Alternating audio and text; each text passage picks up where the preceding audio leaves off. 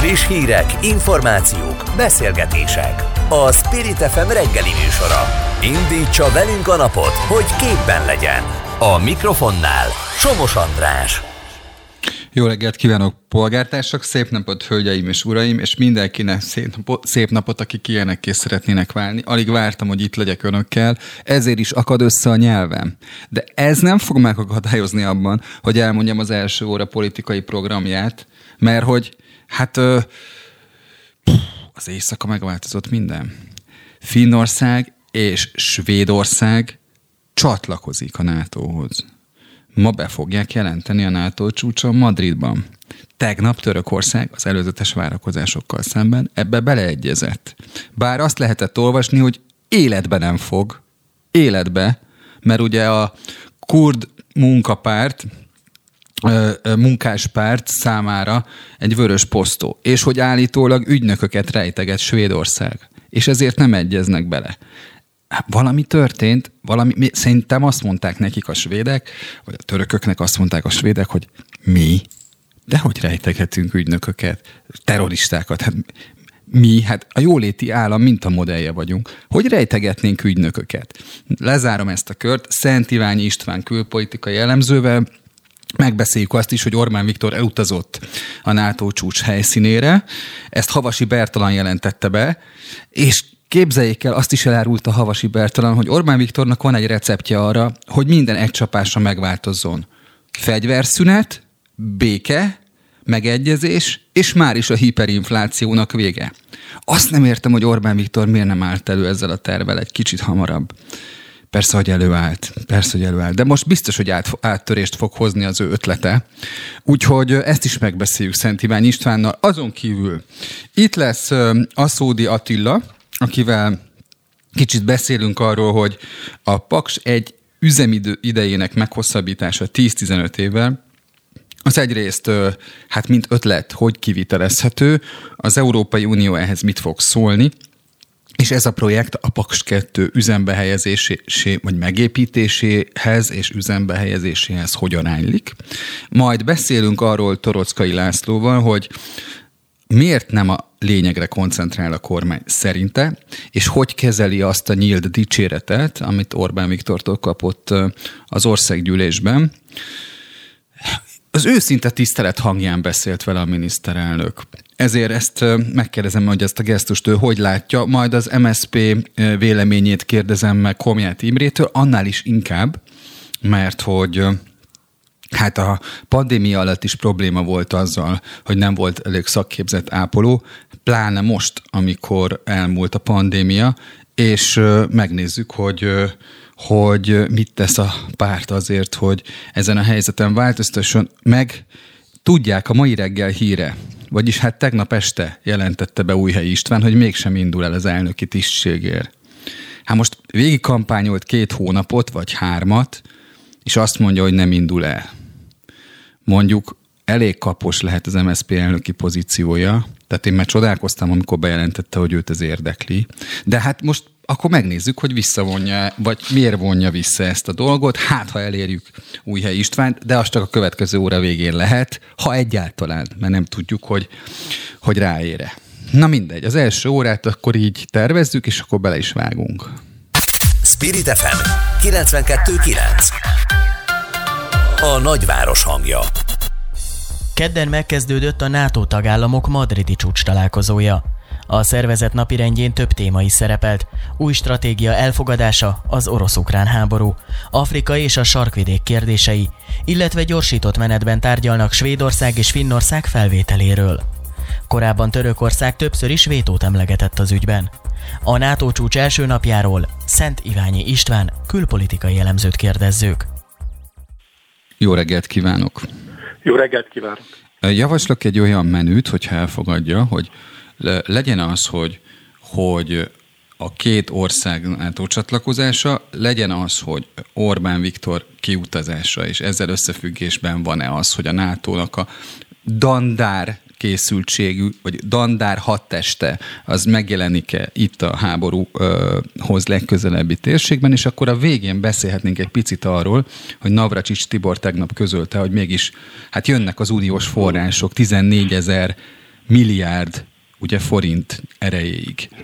Úgyhogy ha elfogadja, akkor ez így lenne, jó? Rendben. Jó, tehát ne, nem tudom, hogy készült erre a beszélgetésre, de az biztos, hogy tegnap valamikor olyan 20-21 óra táján megfordult ez az egész forgatókönyv, mert akkor bejelentették, hogy megszületett a megállapodás már az első napon, ugye? Igen, ez egy nagyon pozitív hír. Én az az igazság, hogy reménykedtem ebben.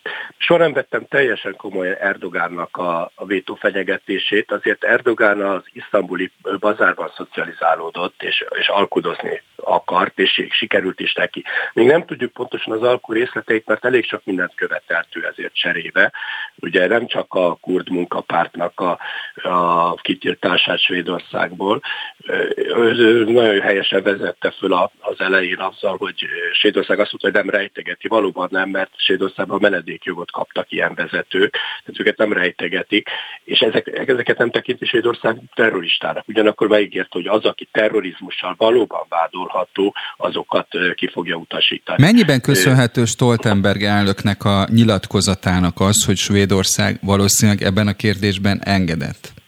Valószínűleg nagyon. Tehát Stoltenberg egy bizonyos megértés mutatott a török követelések iránt, és nyomást helyezett Svédországra, és ebben azért nagy szerepe volt, hogy végül is az alkú létrejött, meg hát annak is, hogy Svédország azért nagyon szeretne bekerülni, tehát erre az alkura kész volt, de Törökország nem csak ezt kellett, tehát kért F-35-ös vadászgépeket is, amit ugye azért nem akarnak kiadni Svédországnak, Törökországnak, mert Törökország megvásárolta az orosz légvédelmi S-400-asokat, tehát legmodernebb orosz légvédelmi rakétákat, és azt attól tartanak, hogy ezt össze tudja hangolni az F-35-ösökkel, akkor sebezhetővé válnak más frontszakaszokon is az F-35-ösök. Tehát nem lenne igazán szerencsés átadni. Nem tudom, hogy ebben mi történt. Tehát ezeket a részleteket még nem ismerjük. Ugye csak a hallgatók kedvéért, hogy Jens Stoltenberg azt mondta, hogy valósak a török aggodalmak, ugye, a terroristák rejtegetése kapcsán, mert, mert ki volt téve a török állam az ő ö, aknamunkájuknak. Egyrészt, ezt mondta, másrészt ugye ö, volt egy fegyverembargó, ami sújtotta Törökországot, ugye? Hát ez az F, így Igen. van, ez az F-35-ös, és nem csak az, hanem más érzékeny eszközöket sem adtak át azóta, hogy Törökország elkezdett hadipari eszközökkel üzletelni Oroszországgal. Ez egy nagyon kényes dolog, mert hogyha a kettő között az összhangot meg lehet teremteni, akkor sérülékenyé válnak ezek a nagyon fejlett eszközök tehát emiatt nem akarták átadni. Nem tudom, hogy ebben, ebben milyen megállapodás született, valami biztosan, mert, vala, mert van oka annak, hogy Erdogán feladta az ellenkezését, de most szerintem elsősorban örüljünk annak, hogy ez bekövetkezett. Ez persze nem jelenti azt, hogy holnaptól tag lesz Finnország és Svédország, mert hiszen mind a 30 NATO tagállamnak ezt ratifikálnia Igen. kell. István, az nekünk miért jó, hogy ez a két ország a NATO része lesz?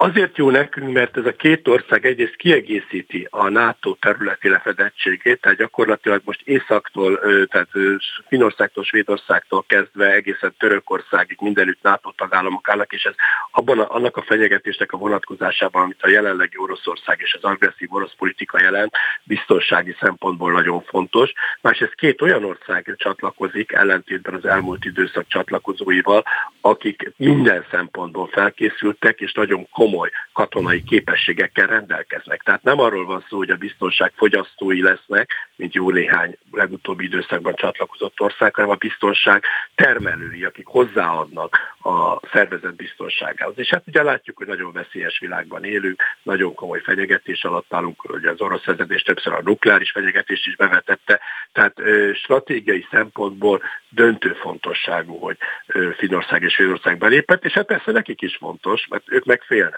Világos. Kiderült, hogy aki nincs benne a, a NATO-ba, az sokkal könnyebben válik áldozat. Azért egy NATO Bár ezt a magyar vezetés, politikai vezetés nem osztotta, tehát ugye nem egészen egy fél évvel ezelőtt azt mondta még Orbán Viktor, vagy egy miniszter is, talán egy honvédelmi miniszter, hogy tulajdonképpen a NATO garanciái nélkül is megvan az ország.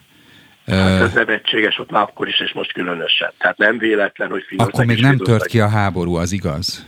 Az igaz. Igen, igen, de azért akkor is lehetett tudni, hogy a NATO garanciák nélkül Magyarország komoly háborús fenyegetéssel szemben nem tud szembeszállni. Tehát egy adott esetben nem lennénk tagok egy orosz fenyegetéssel szemben a Magyarországnak semmiféle. Na nézzük meg, hogy ennek fényében hogy értelmezhető, hogy most elutazott a miniszterelnök a NATO csúcsra. Azt lehetett hallani, hogy már rég nem osztanak meg velünk stratégiai terveket.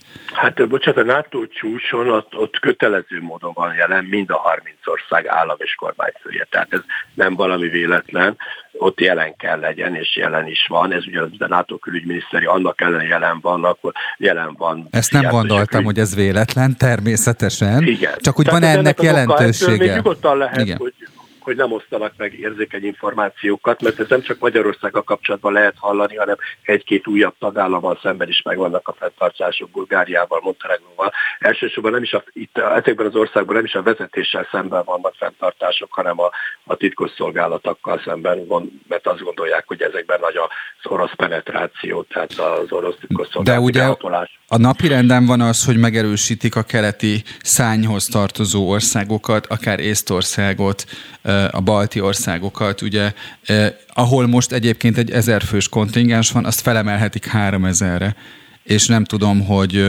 hogy ez jelent valami mást, valami stratégiai változást a, akár a képességben, akár az orosz viszonyban. A képességekben mindenképpen, mert nem csak arról van szó, hogy megerősítik katonailag, tehát állandóan állomásozó egységeket telepítenek. Ugye most, most arra vége lett a 97-es NATO-Oroszország megállapodásnak. Az volt egy megállapodás, amely kimondta, hogy közvetlenül az orosz határ közelében nem telepítenek új eszközöket és állandó erőket a, a NATO nem fog. Igen ez, ez hát gyakorlatilag Oroszország teljesen egészen fölrúgta Ukrajna lerohanásával, és most már a NATO is úgy gondolkodik erről, hogy meg kell erősíteni részben elsős és elsősorban a baltiakat, de Románia is és, és Lengyelország is kap ebből. Tehát, tehát minden olyan ország, amely közvetlenül fenyegetetnek érezheti magát. Hát Magyarország ebből még a jelen pillanatban kívül van, de, de valószínűleg Magyarország sem fog elkerülni, hogy valamilyen képességek ide kerüljenek. Ugye hát most már döntöttek is, hogy a Kelet-Magyarországra is telepíthető, hiszen az eredeti kormány döntés az volt, hogy csak Nyugat-Magyarországra telepíthető erők. Azért a magyar kormány is ebben már csöndben, nem hangosan bejelentve, de változtatott az álláspontját. István, érzi, hogy egy igen. perc van. Ö, és, és azért ez a 14 ezer milliárd forint, amely uniós pénz, ez jelentős összeg ahhoz, hogy ne beszéljünk arról, hogy Navracsics Tibor azt mondta, hogy 2022 második felében partnerségi megállapodás alapján jönnek ezek a pénzek. Hát ő azt mondta, hogy a partnerségi megállapodást megkötjük, ezt már mindenki megkötött, ez ugye a, a 7 éves költségvetése vonatkozik, ez egyedül Magyarország nem sikerült megkötni. Ezt, ezt én elképzelhetők tartom, hogy megkötjük, de ettől még nem jön a pénz, ez ráadásul ugye 10, ez 7 évre elosztva jönne. Másrészt meg az, hogy jönne a pénz, az konkrétan attól azon múlik, hogy például a jogállamisági mechanizmust milyen következménye lesz. Ugye a magyar állam most küldte el, tehát tegnap a válaszait a, uh-huh. a, erre, a bizottság Igen. ezt mérlegeli, lehet, hogy úgy kérdéseket tesz, de az is lehet, hogy már most szankciót javasol, és akkor meglátjuk, hogy milyen szankciókat és milyen módon. Tehát az, hogy van partnerségi megállapodás, az még egyáltalán jelenti, hogy a pénz is jön. Ugyanez vonatkozik a, a helyreállítási alappénzeire is, hogy ott még ott sincs megállapodás még, de még önmagában a megállapodás sem jelenti azt, hogy pénzt kapunk. Ez a lengyelek esetében is világosát tették, hogy megkötötték velük a megállapodást, de pénz még nincs. Világos. Akkor lesz, hogyha ez át lesz ültetve. Tehát meglátjuk. Elképzelhető, Jó. hogy a partnerség megállapodást megkötik, de ez még nem azt jelenti, hogy a pénzek is jön. Nagyon köszönöm. Lesz miről beszélni akkor legközelebb is. Lesz feltehetőleg, hogyha minél hamarabb erről hír lesz. De nagyon köszönöm a, az átfogó elemzést.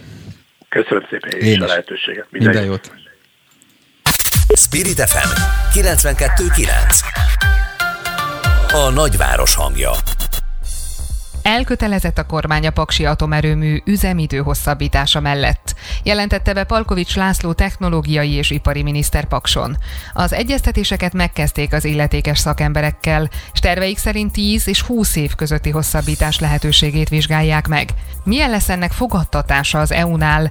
Mi szükséges egy üzemidő hosszabbításhoz? A Szódi Attillát energetikai mérnököt kérdezzük.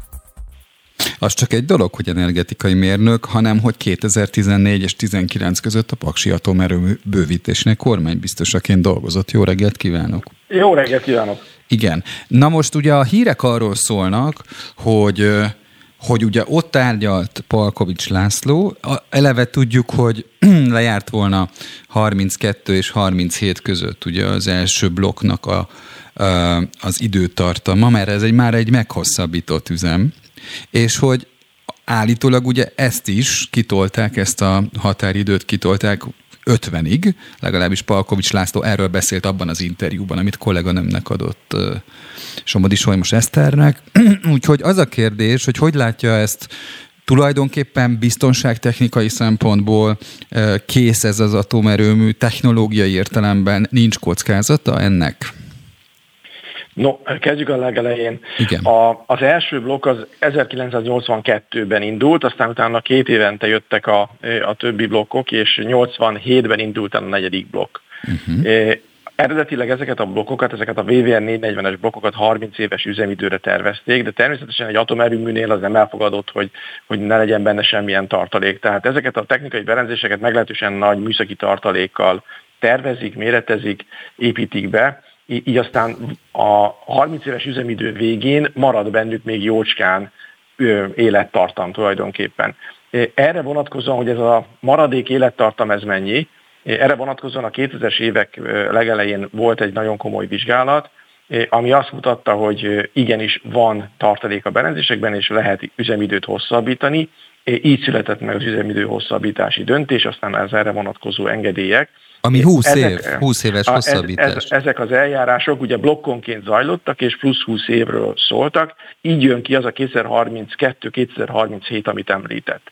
Na most azt, azt látjuk a nemzetközi gyakorlatban, hogy nem minden atomerőben, nem minden atomerőmű képes erre, de a, az úgynevezett víz, vízhűtésű, vízmoderálású reaktoroknak a jelentős része, amilyenek a paksiak is, ezek az 50 éves üzemidőn túl is rendelkeznek még olyan tartalékokkal, e, hogy tovább lehet őket üzemeltetni.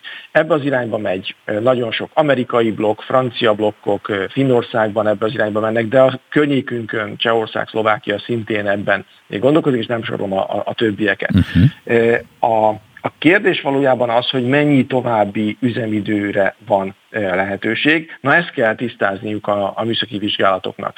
Ugye kérdezte, hogy mit is jelent tulajdonképpen az üzemidő hosszabbítás. Azoknál a berendezéseknél, amelyek kisebb értékűek, gyorsabban elhasználódnak, és úgy építették őket be annak idején, hogy könnyű őket cserélni, ott egyértelmű, hogy a csere az a megoldás, hogyha, tehát a csere a megoldás, ami szóba jön akkor, hogyha kimerülne az élettartama az adott berendezésnek.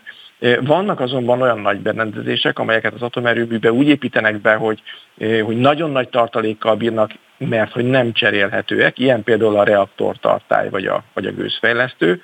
Ezeknél az a kérdés, hogy az eddigi elhasználódásnak a mértéke, az belül marad-e a, a határértékeken, vagy sem. Ezt kell tisztázniuk a vizsgálatoknak. Ezek persze nem új keletű vizsgálatok, hiszen azt tudjuk, hogy az üzemidő monitorozandó, az üzemidőt befolyásoló fizikai, mérnöki paraméterek azok monitorozandóak, úgyhogy ez a, ezek a vizsgálatok gyakorlatilag az erőmű kezdete óta, működésének kezdete óta zajlanak, de a tudomány legújabb állása szerint a nemzetközi gyakorlatokat figyelembe véve el kell végezni ezeknek az újraértékelését. Bizonyos rendszereknél, adott esetben mondjuk az épületelemeknél vagy, vagy kábeleknél vizsgálatokat kell végezni, és ez alapján lehet megmondani, hogy az egyes blokkokban mennyi üzemidő van még. Ez egyébként a, ezek a vizsgálatok lehet, hogy azt fogják mondani, hogy valamelyik blokknak még, még plusz 10 éves üzemidő hosszabbítása minden további nélkül lehetséges,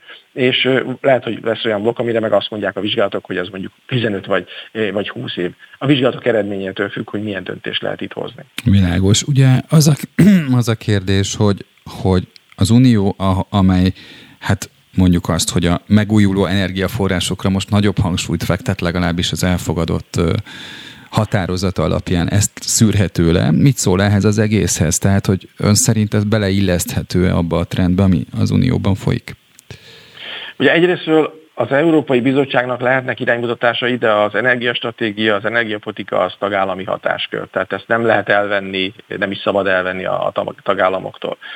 Másrészt, hogy az, azt is látni kell, hogy, hogy szerintem rettentően megváltozott a helyzet 2022. február 24-én.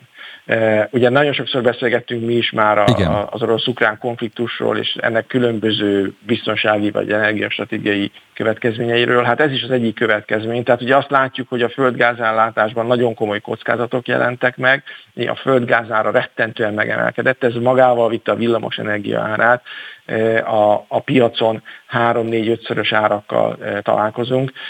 A, a németek, ugye, akik a legzöldebb és a leg klímabarátabb energiastratégiát állítják magukról, hogy megvalósítanak, hát ők most visszaindítanak szén tüzelésű erőműveket, amelyek a legnagyobb széndiokszid kibocsátók. Tehát egy egészen Igen. rendkívüli helyzet állt elő Európában, és ebben a rendkívüli helyzetben igenis meg kell azt nézni, hogy, hogy hogyan lehet az ellátást diversifikálni, és bizony ebben a tekintetben a meglévő atomerőmeknek az üzemidő hosszabbítása az új erőmű építések mellett egyértelműen egy, egy olyan lehetőség, amit meg kell nézni, meg kell vizsgálni, és hogyha megvalósítható, akkor meg is kell valósítani. Függetlenednünk kell a földgáztól, nem csak az orosz földgáztól, hanem minden földgáztól, és ezért minden olyan erőforrásra szükségünk van, ami megbízható, folyamatos termelésre képes. Ugye az időjárás függő megújulók nem ilyenek, emiatt mondjuk azt nagyon régóta, hogy, hogy mondjuk az atomenergia és a megújulók azok nem egymás alternatívái, mert mást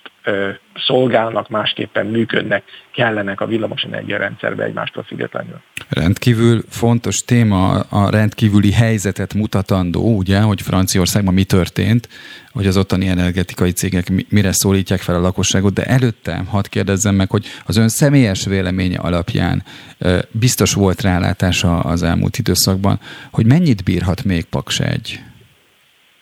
Eh, ahogy mondtam az előbb, én azt gondolom, hogy, eh, hogy a 20 év minden további nélkül benne lehet ezekben a blokkokban, eh, de elképzelhető, hogy lesz olyan blokk, aminél azt mondják, a, azt mutatják majd a vizsgálatok, hogy ez a 20 év, ez nem 20 év, hanem csak Amelyek túlmutatnak vagy, a monitorozáson, tehát amelyek folyamatosan folynak, ahogy mondta, tehát a rendkívüli igen. vizsgálatok, amelyek ezek után jönnek, ezek még árnyalhatják a képet ezek szerint. Árnyalhatják a képet. Én azt gondolom, hogy 20 évben lehet gondolkodni, de lehet olyan blokk, ami, aminél ez rövidebb lesz. Igen, említettem, hogy a francia energetikai cégek felszólították az ottani lakosságot, hogy takarékoskodjanak. Minden apró momentum, ami erre irányul az ottani lakosok részéről, az hozzájárulhat ahhoz, hogy a, ugye a tartalékok növekedjenek, ne használjanak fel annyi nyersanyagot a, vagy energiaforrást a lakosok. Hogy látja ezt, mennyire érett például erre a szemléletváltozásra, akár az európai lakosság, akár itt értelme van-e egy ilyet felvetni például? Hát mindenképpen, ugye egyelőre a magyar lakosság, mivel egyetemes szolgáltatásban a villamos, van a villamos energia ellátás, azért nem látja a piaci árváltozást, ez kedvezőtlen abban a szempontból, hogy nincsen meg a visszacsatolás. Hát persze, de ez de nagyon sokba kerül nekünk amúgy, nem? Tehát, hogy... Hát világos, világos, csak azt mondom, hogyha, hogyha látná a lakosság a valós piaci árakat, uh-huh. szembesülne vele nap mint nap, akkor lehet, hogy nagyobb lenne az affinitása a, a takarékoskodásra. De, de itt nem csak erről van szó. Tehát az látszik, hogy az ellátásban jelentek meg óriási kockázatok, ki van centizve a rendszer, mondjuk így, és Európában, de Ázsiában is nagyon komoly ellátási gondok vannak, ezért szólítanak fel különböző szolgáltatók különböző országokban takarékoskodásra. Én szerintem, hogyha ez következetesen, folyamatosan kommunikálva van, akkor vélhetően azért a magyar lakosság is ebbe, ebbe bevonható. Egyelőre még nem volt e, ellátási probléma, nem láttunk komoly áramszüneteket, de őszintén szólva simán lehet, és egyébként nem is a nyár szerintem a legproblématikusabb, hanem az előttünk álló tél az, ami, ami nagyon-nagyon nagy gondokat okozhat egész Európában. És ugye az egész villamosenergia rendszer Európában össze van kötve, tehát hogyha valahol komoly ellátási gond keletkezik, akkor az tulajdonképpen kihatással van az összes európai országra. Most itt kéne zárnom, de azért azt záróban megkérdezném, hogy ugye Bajorországban volt egy megbeszélés, amely központi kérdése volt, hogy az Oroszországból érkező gáz és kőolajat hogy lehet kiváltani. És itt ugye az Egyesült Arab Emirátusok és a kőolaj exportáló országok vezetői találkoztak. Mennyiben van esély, hogy már ezen a télen születik előrelépése téren? Én azt gondolom, hogy a diplomaták ezen keményen dolgoznak, meg a kormányok is, és dolgozni is fognak tovább, de ugye azért vannak technikai realitások és technikai korlátok. Tehát, hogy be kell tudni hozni ezeket az energiahordozókat, ehhez kapacitások, csőzetéki kapacitások, egyéb kapacitások kellenek. Tehát egyáltalán nem evidens, hogy, hogy az orosz kőolat és földgázat, földgázt azt ki lehetne váltani ennyire rövid időn belül. Meglátjuk, mire jutnak a, a műszaki szakemberek és a diplomaták. A Szódi Attilának nagyon köszönöm. Mindig sajnálom, hogy még beszélnék, de hát lejár az idő. De hát remélem, hát hogy... Szálljunk rá egy kicsit hosszabb időt. Jó, jó. Mindig így, mindig így fejezzük be, de örülök, hogy itt volt, és köszönöm a beszélgetést. Én is köszönöm, köszönöm, viszont. Viszont. Friss hírek, információk, beszélgetések. A Spirit FM reggeli műsora. Indítsa velünk a napot, hogy képben legyen. A mikrofonnál Somos András. Támogatja a mi hazánk, hogy a megyéket vármegyéknek hívják a jövőben, míg a kormány megbízottakat főispánoknak. Ugyanakkor fontosnak tartják, hogy a történeti magyar alkotmányról is beszéljenek, valamint a kaszinók és digitális multik megadóztatását is. Orbán Viktor válaszában kitért rá, tiszteletben tartják, hogy ellenzékben van Torockai égpártja. A migrációval felvetett észrevételei a mi hazánknak, valamint a digitális multik megadóztatását összetett kérdésnek látja a miniszterelnök úr. Torockai Lászlót kérdezzük, milyen közös munkát és párbeszédet prognosztizál a jövőben a kormányjal. Jó reggelt kívánok, elnök úr! Jó reggelt kívánok! Nem tudom, meglepte a miniszterelnök hangvétele. Én úgy láttam, hogy a, hogy mondjam, egy másik frakcióvezetőnek szóló, nem egy másik frakció, egy frakcióvezetőnek szóló tisztelet jegyében vagy hangján szólalt meg. Ön hogy látta?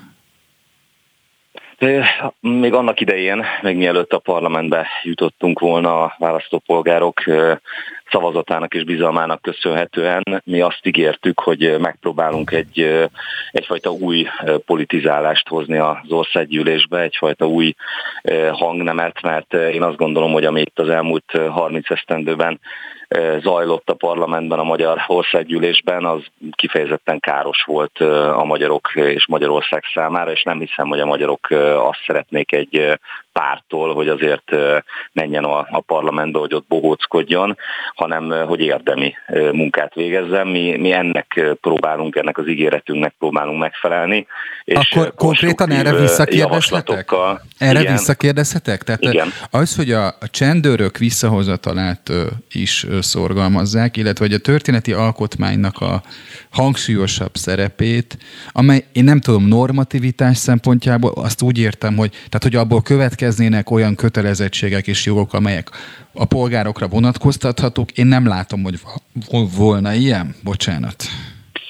Hát nézze, az, hogy Magyarországon van egyfajta alkotmányos válság, azzal gyakorlatilag jelenleg mindenki tisztában van. A Fidesz az egyedüli párt, amely ragaszkodik ahhoz a, az alkotmányhoz, amelyet ő egyedül szavazott meg, egyedül fogadott el, és semmiféle társadalmi igazi széleskörű egyeztetés nem előzte meg ennek a, a jelenlegi alkotmánynak az elkészítését. Most arról nem beszélve, hogy ugye a, a felvetésemre, hogy a, a történeti alkotmánynak hangsúlyosabban jelen kellene lenni az alkotmányban, de egyébként amit én, amit én ennél sokkal fontosabbnak tartok, bár ez is rendkívül fontos, hogy tényleg a, a magyar nemzet a, a magyarság a magáénak érezhesse ezt, a, ezt az alkotmányt, ahhoz mindenféleképpen meg kellett volna tenni ezt a fajta széleskörű egyeztetést. Jelenleg, a, és ugye Orbán Viktor is a válaszában annyit mondott, hogy benne van a jelenlegi alkotmányban a történeti alkotmány, hát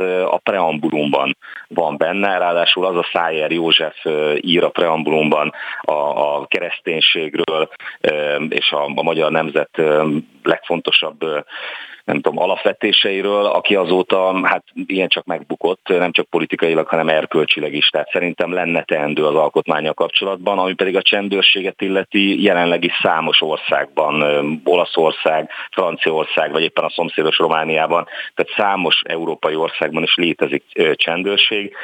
Ez a 21. században is egy teljesen elfogadott normális dolog lenne, amelynek egyébként preventív feladata lenne, hiszen látjuk, hogy nagyon sokszor megbomlik a rend Magyarországon, akár egy vidéki településen, akár Budapest egyes kerületeiben, ahová kellene valamilyen speciális jogkörökkel, speciális szempontok alapján kiválasztott emberekből álló rendfenntartó erőnek megjelennie, és nem eső után köpönyekként oda küldeni a rendőröket sokszor helyszínen egy bűncselekmény után, hanem preventív jelleggel már megakadályozni azt is, hogy legyen bűncselekmény. Erről szól a csendőrségről szóló javaslat. Világos. Elnök úr, hogyha azt kifogásolná az alkotmány, hogy a szociális jogokat visszanyeste, vagy csomó állami kötelezettséget, hát mondjuk azt, hogy választható állami feladatként deklarálja, akkor megérteném. Mert hogy a, ez a pragmatikus politizálás egy ellenzéki párt részéről. A történeti alkotmány meg a csendőrség szerintem nem tartozik ide, de ez az önök választása, tehát én megértem, hogy a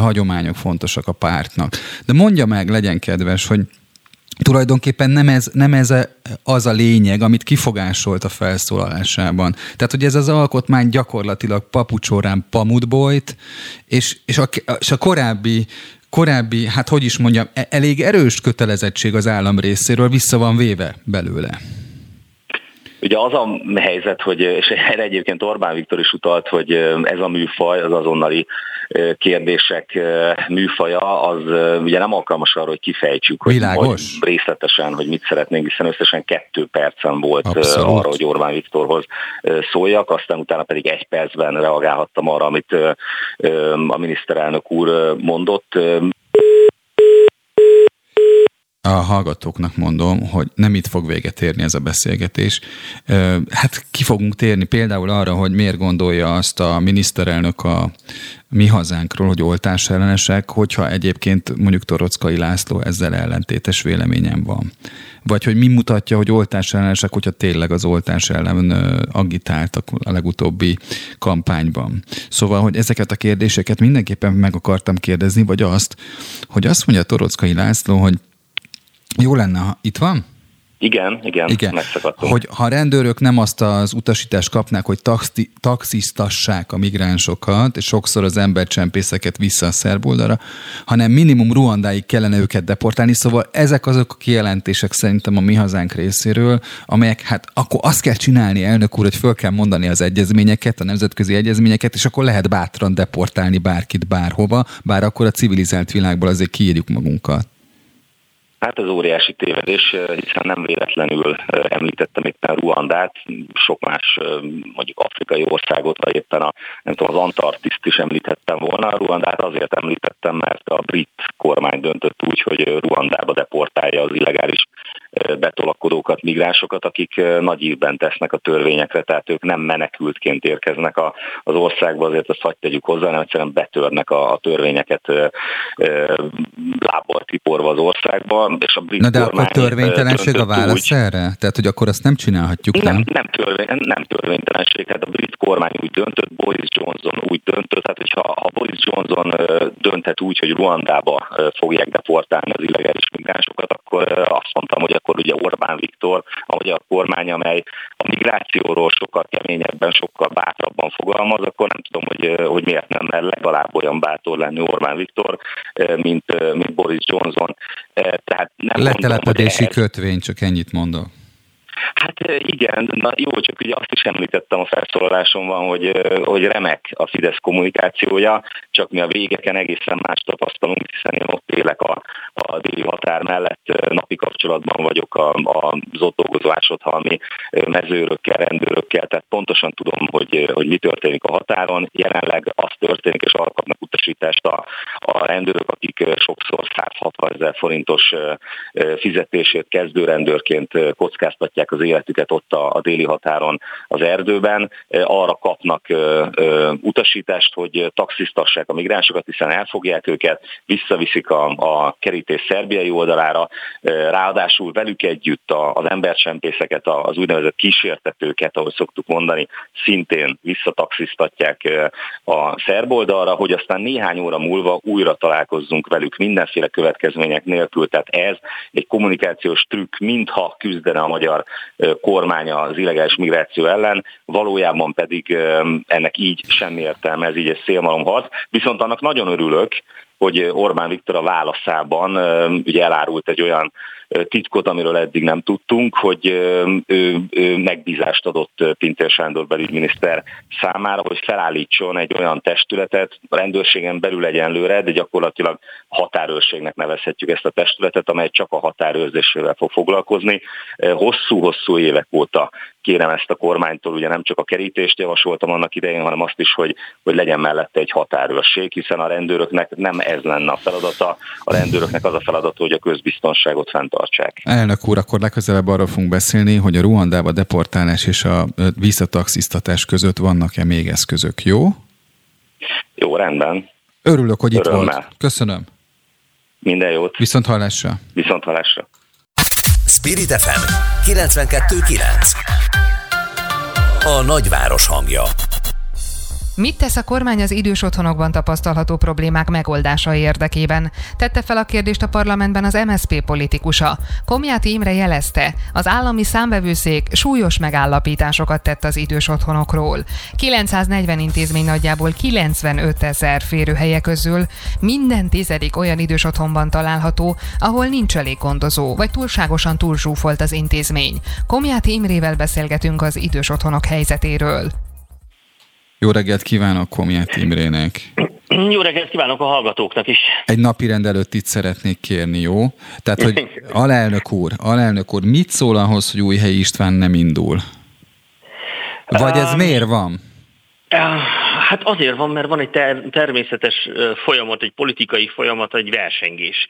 Mert a versengésben a politikusok eldöntik, hogy milyen ambíciókkal rendelkeznek, milyen pozíciókra indulnak. Aztán teljesen természetes folyamat, hogy mondjuk esetleg meggondolják magukat időközben, látva azokat a folyamatokat, amik számukra esetleg nem kedvezők. Én őszintén meg én sajnálom abból a szempontból, hogy új Istvánnak voltak tényleg nagyon előre mutató javaslatai. Azt gondolom, hogy nem kellett volna szerintem még most ebben döntenie. Viszont a legfontosabb az, hogy minden olyan dolog, ami a párt belső ügyét érinti, és az kifelé van kommunikálva, az nem használ egyébként a pártnak. Mikor van a döntés, ugye? Ez a kérdés. A szeptembertől indul egy felmenő uh-huh. rendszerű tisztújítás, és akkor októberben lesz eredménye. Addig még fogjuk látni, hogy kik lesznek a jelöltek, milyen jelöltek, mit tesznek az asztalra, milyen stratégiával fognak nekindulni a tisztújításnak meglátjuk, de még egyszer szeretném hangsúlyozni, és, és akár minden is kérni a politikusunkat, a politikusainkat, hogy bölcsességet, nyugalmat, megfontoltságot, mert mm, annak van jó üzenete, hogyha ez a tisztújítás ez szépen rendben zajlik. Természetes politikai viták vannak, de ezeket nem gondolom, hogy ki kell vinnünk. Alelnök úr, mi rohamozzuk a képviselő urat, megnézzük, hogy elérjük-e aztán. De térjünk rá a témánkra, az állami szembevőszék súlyos megállapításokat tett az idős otthonokról, ugye 940 intézmény, nagyjából 95 ezer férőhelyek közül minden tizedik, tehát az 9 és fél ezer idős otthonban, ugye? Olyan Igen. idős otthonban található, ahol nincs elég gondozó, vagy túlságosan zsúfoltak a körülmények. Hát ez nagyon durva amúgy.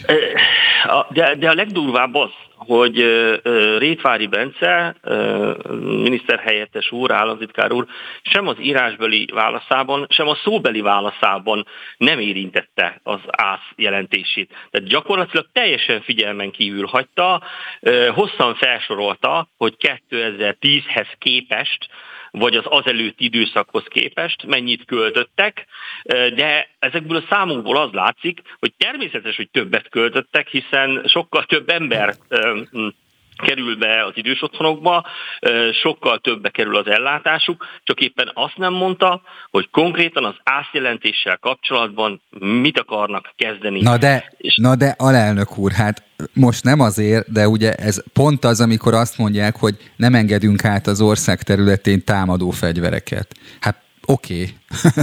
csak, hát, mi, csak milyen fegyverek azok, amelyek nem támadóak? Vagy... Um, igen, igen, igen. Na jó, tehát hogy ezen nem lehet csodálkozni, hogy itt politikai kommunikáció van, ugye? Miközben az állami számbevőszék is pacifikált. Um, igen, de, de ezek a, a súlyos megállapítások, amiben ebben a tanulmányban vannak, tehát egyszerűen én, számomra érthetetlen, hogy lehet elmenni uh, emellett.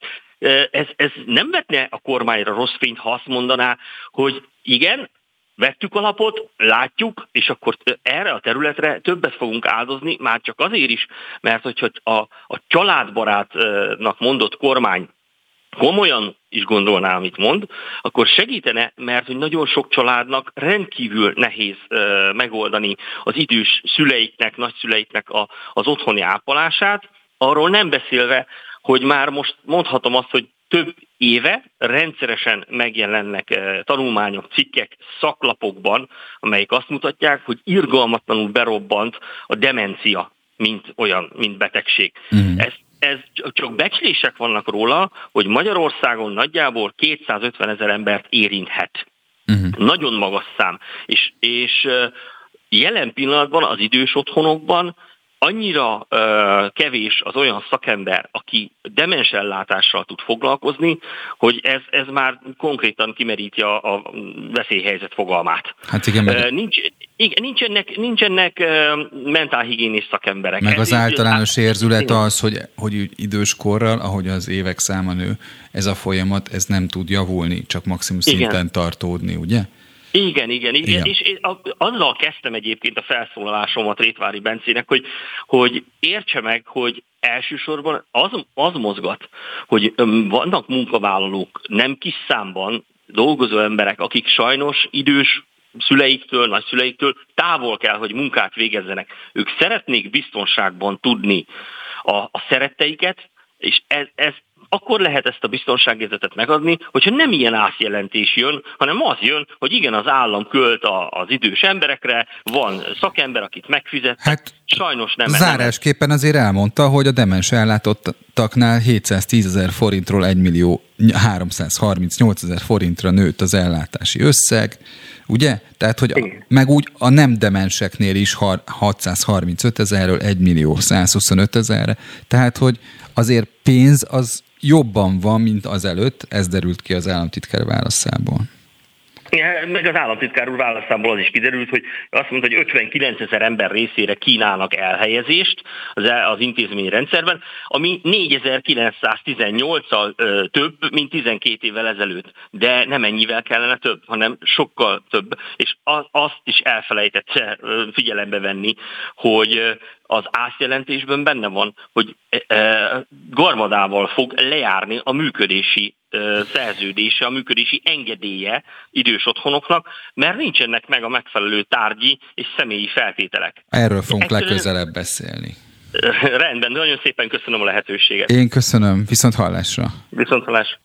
Spirit FM 92.9 A nagyváros hangja Gyénémet Erzsébet szerint tulajdont kisajátítani teljes, feltétlen és azonnali kártalanítás mellett lehet az alaptörvény értelmében. A DK politikusa a parlamentben azt kérdezte, miért veszik semmibe a tulajdonjogot. Több fővárosi közterületet úgy vennének állami tulajdonba, majd adnák oda az ötödik kerületnek, hogy kártalanításról nincs szó. Gyénémet Erzsébetet kapcsoljuk.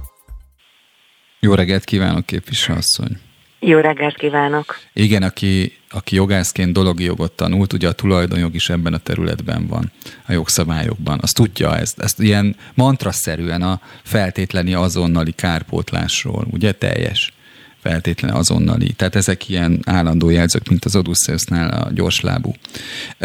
Az a kérdés, hogy hogy igazából, nem tudom, olvasta az előterjesztésben azt, hogy a pénzügyminisztérium is meglepődött. Így van, én ezt el is mondtam, amikor feltettem a kérdést a gazdasági miniszternek helyette Fónagy államtitkár úr válaszolt, mert hát azért az is egy tapasztalat itt néhány hónap alatt az országgyűlésben, hogy a miniszterek, akik nem képviselők, azok nem járnak ám be a parlamentbe. Tehát mindig megbízzák azt az államtitkár, parlamenti államtitkárt vagy minisztert helyettest, aki egyébként Fideszes képviselő, így aztán ők válaszolnak Szóval én is elmondtam Fónagy államtitkár úrnak a kérdésben, hogy az ő előterjesztésük is felveti annak a lehetőségét, hogy ez így nem teljesen van rendben, vagyis itt a tulajdonjog sérülhet. De szerintem nem is igazán a tulajdonjog az, ami érdekes ebben a, ebből a szempontból, mert ha szerkesztő úrral végig gondoljuk, akkor az embereknek mindegy, hogy mondjuk a Vörösmarty tér az fővárosi tulajdonú tér, vagy kerületi, ugyanúgy mennének, sétálnának, részt vennének a karácsonyi vásáron például, na és itt kezdődnek a problémák.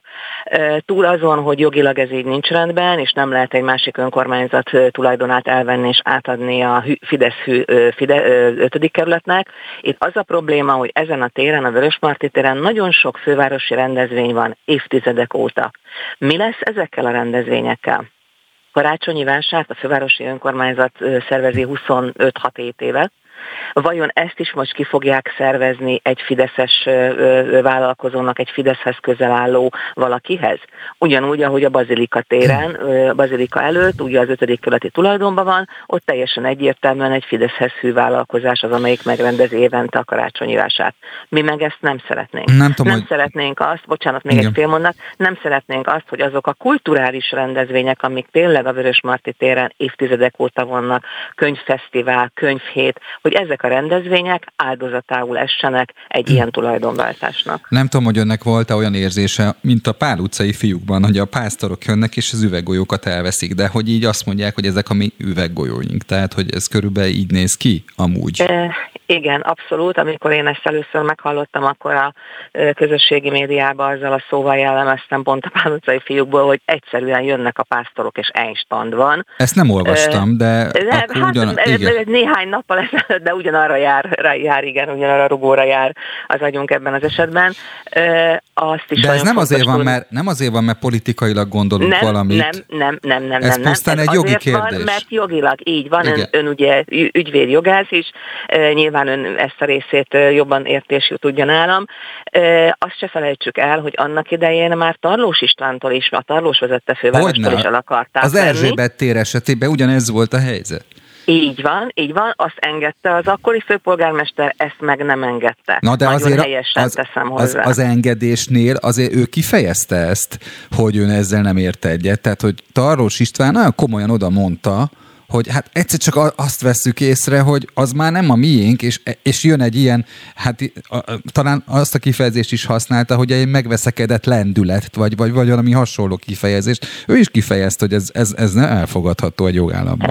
Ez így van, ez így van, ami előtt azért szent évetnánk a volt főpolgármestert, azért azt mindenki tudja, hogy a Dagály fürdőt, Dagály strandot így vették az önkormányzattól, a fiumei temetőkezelési jogáról így mondott le a fővárosi önkormányzat, és ugye az Erzsébet tér, ami egyébként, ha most megnézzük azt a teret, hát tényleg egy ilyen vústlikt a főváros közepén lévő tér. No visszatérve a Vörösmarty térre, nagyon fontos, nagyon térre, fontos, nagyon fontos szolgáltató egységek vannak a tér közepén, úgyhogy én azt nem bántanám. Igen, ami a miniszter miniszterelnök lányához, meg vejéhez köthető. Én értem, hogy számukra nagyon fontos. Én is azt gondolom, hogy szükség van egyébként a városban ö, ö, olyan éttermekre, kávézókra, kiülős helyekre, tehát nem ezzel van a bajom. Azzal van a bajom, hogy ebben a városban, és ez már túlmutat a Vörös Marti téren, túlmutat azon, hogy csak ö, ö, tulajdont akarnak elvenni. Szóval ebben a városban a Fideszhez hű emberek rámutatnak egy területre, és akkor az vagy átkerül Fidesz hű önkormányzathoz, vagy ott azt épít, épít, aki amit és ahogyan akar. Tehát nekem ebből van tulajdonképpen elegem, és azt gondolom, hogy éppen ideje van, hogy ez ellen felemelje a szavát minden jó érzésű politikus, és nagyon bízom benne, hogy a Fideszen belül is lesznek, akik azért ezen elgondolkodnak. Nem lehet úgy egy országot vezetni, hogy amit megkívánok, vagy a hozzám hűek megkívánnak, azt oda megyek, fogom és elstandolom. Ez mindig így van a párkapcsolatokban is. Nagyon köszönöm, hogy itt volt Génémet Erzsébetnek. Köszönöm én is, viszont hallásra. Viszont hallásra. Friss hírek, információk, beszélgetések. A Spirit FM reggeli műsora. Indítsa velünk a napot, hogy képben legyen. A mikrofonnál Somos András. Jó reggelt kívánok, polgártársak! Szép napot, hölgyeim és uraim, és mindenkinek szép napot, akik ilyenekké szeretnének válni. Aki azt gondolja, hogy nem lesz annyira politikai a második óra, mint az első volt, az nagyon téved. Amikor először néztem, hogy mi lesz itt a második órában, akkor arra jutottam, hogy ezek nagyon érdekes témák, de tényleg. Például a csalódást keltő hétvégi időközi választásról keveredett vitába Karácsony Gergely és az LMP egyik meghatározó politikusa Ungár Péter, vagy mi lesz az algásodással a Balatonban? Nyár van, és már most megjelentek azok a jelek a vízben, amelyek a szokásos zöldülési folyamatot mutatják. A szakember mit szól ehhez, mennyire komoly ez a helyzet, és itt lesz Zás Dániel az egyik kedvenc gépjármű szakértő, ugye neki voltak autós cikkei, amelyek legendásak voltak, most is vannak amúgy, és ugye arra fogunk beszélni, hogy a mostani helyzetben, amikor ilyen nyersanyag szűke van, akkor az elektromos autók mennyire, ter, mennyire hódítják meg a piacot, mennyire egyértelmű, hogy erre mozdul az autóipar, ha egyáltalán. És akkor végül itt lesz a, Nolimpia kapcsán, Nolimpia kampány kapcsán Fekete Győr András a Momentum részéről, és hát beszélünk a vízilabda eredményekről. Tegnap egy csodálatos mérkőzésen a magyar női válogatott bejutott a legjobb négy közé itthon, hazai rendezésű világbajnokságon, úgyhogy ezek a témák kezdünk is. Spirit FM 92.9 A nagyváros hangja az ellenzéki oldal szereplői közül többen csalódást keltő eredménynek összegezték a vasárnapi időközi helyhatósági választásokat, de az okokat illetően az ellenzéki pártok között is megoszlik a vélemény. Ungár Péter közösségi oldalán fejtette ki, hogy miben látja másképp a vasárnapi választásokat, mint Karácsony Gergely főpolgármester. A telefonnál Kanász Nagy Máté, az LNP társelnöke, akivel az időközi helyhatósági választásokat értékeljük. Jó reggelt kívánok Kanász Nagy Máténak! Jó reggelt kívánok mindenkinek! Hát nehezen is lehetne nem csalódásként megélni azt, hogy mondjuk 16-ból 12 helyen Fideszes győzelem született, ugye? Üm, valóban így van. Ugye például itt a fővárosban csak egy körzetet sikerült megnyerni, itt négy időközi választást tartottak, és hát valóban a vidéki körzeteknek is a többségét elvesztette az ellenzék most vasárnap. Na van egy olyan stratégiai véleménykülönbség a hát mondjuk ezek szerint Ungár Péter egy közös pártálláspontot képvisel ebben a témában, ha jól érzékelem, ugye? Hogy Igen. mit üzentek a választók ezzel? Mert hogy én úgy látom, hogy Karácsony Gergelynek lehet, hogy a, a korábbi elemzői attitűdjéből adódóan már megvan a megoldás. Ezek szerint az LMP még egy picit vár, és azt mondja, hogy hát nem egyértelmű ez az üzenet, de miért nem? Um, először is Hát nyilván értékelni kell persze, hogy mi történt, nem biztos, hogy elég idő telt el még a választás óta, hogy ezt meg tudjuk tenni ennyire pontosan, ahogy ugye Karácsony Gergely próbált fogalmazni. Az egészen biztos, hogy a választók, és most így a választók összességéről beszélek, azt mondta, hogy hát köszönjük szépen, de nem kérnek belőlünk, és most úgy mondom ezt, hogy mint Fidesz és ellenzék, hiszen nagyon-nagyon alacsony volt a részvétel ezeken a választásokon. Gyakorlatilag a választóknak alig 20%-a, valahol kevesebb, mint 20%-a járult csupán ugye az urnákhoz. Nyilván a nyári meleg, az, hogy időközi választás van, az, hogy egy országgyűlési választás után vagyunk, ez befolyásolta, de természetesen nem megkerülhető itt a felelősségnek a kérdése, hiszen ezeket a választásokat túlnyomó többségében elvesztettük, még olyan helyeken is, ahol korábban stabil győzelmet sikerült aratni, itt a hetedik vagy a nyolcadik kerületről, hogyha beszélek, Ugye Budapesten, Újpestet sikerült csak megnyerni, ott egy 47-40 százalékos egyébként meggyőző fölénnyel, azért korábban ez a körzet is, hát hogy mondjam, nagyobb ellenzéki sikert hozott.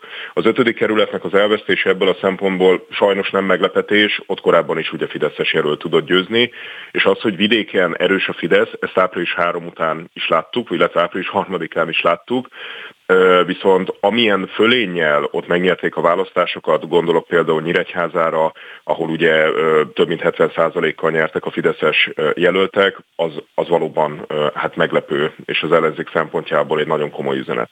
Igen. Ugye a főpolgármester azt mondta, hogy be kell fejezni azt, hogy, a, hogy, hogy mi kicsik egymáshoz képest mennyire vagyunk nagyok, ugye? Valami hasonló képpel élt a por- igen. polgármester. Igen, igen, és itt egyébként abszolút vitánk van vele. Tehát itt, uh-huh. itt egy, ez egy konkrét vitapont. Na, Hát azzal, azzal kapcsolatban, hogy mintha arra utalt volna Karácsony Gergely, hogy akkor be kéne fejezni az ellenzéken belüli versenyt, és újra a, a teljes hasonlulás felé kéne törekednünk. Ezzel nem értünk egyet, hiszen... Bár a párbeszéd maga se erre megy? Hát például ott egy sajátos álláspontot képviselek, amikor hát magukat ugye próbálják zöld pártként beállítani, majd a Ryanair mellé állnak, ami ugye az egyik legnagyobb szennyező egyébként Nem erre gondoltam. Társaság. Valóban ez egy pikírt megjegyzés volt a részemről, elnézést kérek. Belefér, hogy... belefér, tehát mi szeretjük a, a, az iróniát. Csak, Ez egy pici odaszúrás. Csak, odaszúrás. Én, csak én arra utaltam, hogy ugye a párbeszéd elsőként jelentette be, hogy egyedül indul. Ö, a következő időszakban a, az, az európai választása tekintettel, ugye? Ö, igen, ezzel kapcsolatban a, a kommunikációjuk talán széttartó, lehet, hogy itt a hogy mondjam, társelőki pozícióról leköszönő Karácsony Gergely és az arra aspiráló más politikusok itt különböző véleményen vannak. Én ezt nem tudom innen a távolból megfejteni, de hogy szerintem az a lényeg egyébként, hogy az egy tény, hogy amikor az ellenzéki pártok mondjuk egymással versenyeztek, akkor az ellenzéki szavazótábor 800 ezer fővel nagyobb volt, gondolok itt a 2018-as választásokra, amikor pedig a teljes hasonlulás felé törekedtünk, akkor pedig ugye 800 ezer szavazóval kevesebb volt, mint 2018-ban, ugye ez az mhm. április három választás eredménye. Amikor a teljes hasonlulásról beszélek, hogy ez nem biztos, hogy jó út, akkor nem a technikai kérdésekről beszélek, mert a választási rendszer nyilván rákényszerít bennünket az együttműködésre, és ugye a most vasárnapi időközi választásokon is együttműködtünk, de én azt képviselem, hogy tartalmilag igenis mindenki mutassa meg, hogy mit gondol a világról, és hogyan képzeli el, nem tudom, Magyarország következő 10-20-50 évét. Mi egyébként egy nagyon markás zöld politikai fordulatot vennénk, amiben nem fér bele a, a Ryanairnek a, a támogatása és bármilyen légitársaságnak a hát hogy mondjam, kedvezményezése, Szerintem ebből a szempontból ki kell nyitni a versenyt, és tényleg mindenki mutassa meg, hogy mit hogyan gondol. Na lehet, hogy ezzel kapcsolatban, tehát Karácsony Gergely más véleményem van, ez ugye az időközi választás utáni posztjából kiolvasható, amit valóban Ungár Péter és mi magunk is kritikával illetünk. A hátra lévő másfél percben beszéljünk egy igazán zöld témáról. Ugye régóta napirenden van, meg Európai Uniós elvárás is volt a dugódíj bevezetése és hát ha jól értem, akkor az LMP külön véleményen van ebben az ügyben. Mindenféleképpen talán egyedüli pártként kiállunk a nyilvánosságból, és őszintén azt mondjuk, hogy szükség van Budapesten a dugódíjra. Ez igazából egy út használat arányos díjtétel lenne, ez egy forgalomszabályozási eszköz. Ez azt jelenti, hogy igazából ahol dugó van, ott kéne fizetni, és ott egészen addig emelkedne a díjtétel, amíg meg nem szűnik a dugó, majd ha elkezd csökkenni a torlódásnak, a dugónak a mértéke a város azon szakaszán, akkor ez a díjtétel is csökkenni fog.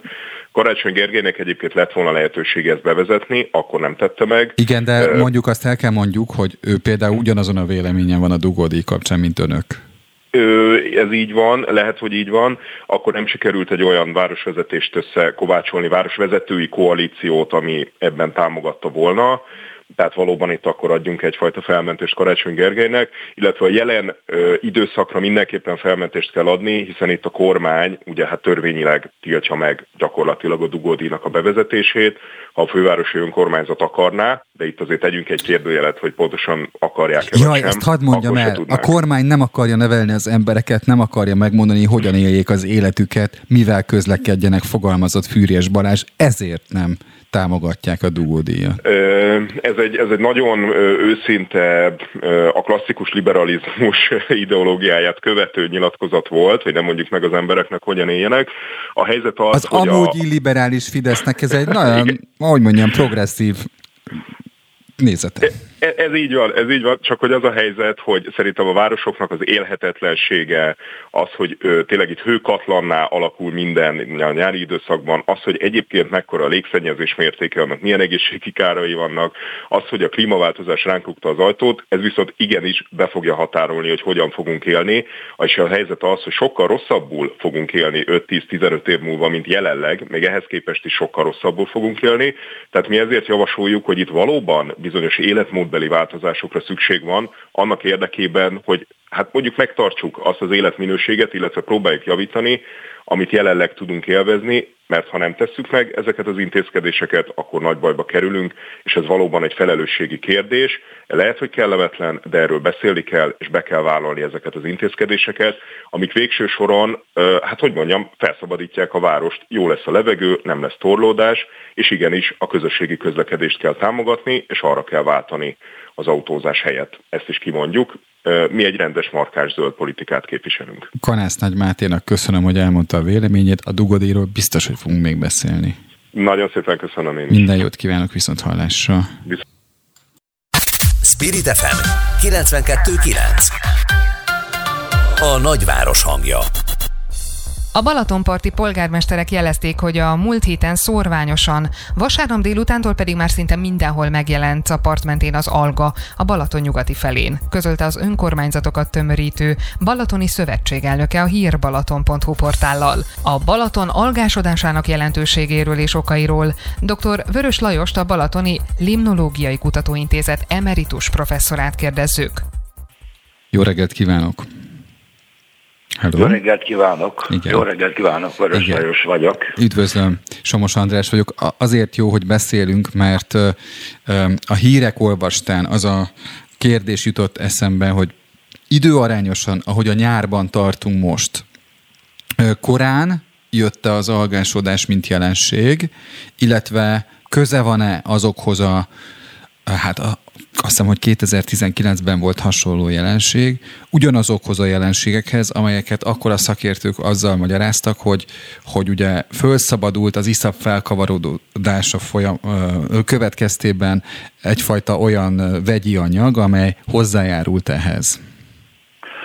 A, ez a most észlelt jelenség, ez nem teljesen azonos a 2019 augusztus végén kialakult alga burjánzással. Ez egy koranyári jelenség, amelyet például tavaly is megfigyeltünk, de azok az algák, amelyek ezt a, ezt a látványos parti jelenséget okozták, ezek most szép lassan eltűnnek a tóból, de sajnos azt nem tudjuk megmondani, hogy, hogy akikre fölváltják ezeket, azok milyen tömeget fognak létrehozni. Most a jó hír az, hogy ez a most a algák nem túlzott mértékben nem szaporodtak el, hanem csak az eloszlásuk volt egyenletlen, és összegyülekeztek sekély vízű nyugodt területeken, de a föltámadt szél ezeket hétfő délután el eltüntette és eloszlatta a vízoszlopba. Azok, akik nem tudják, hogy hol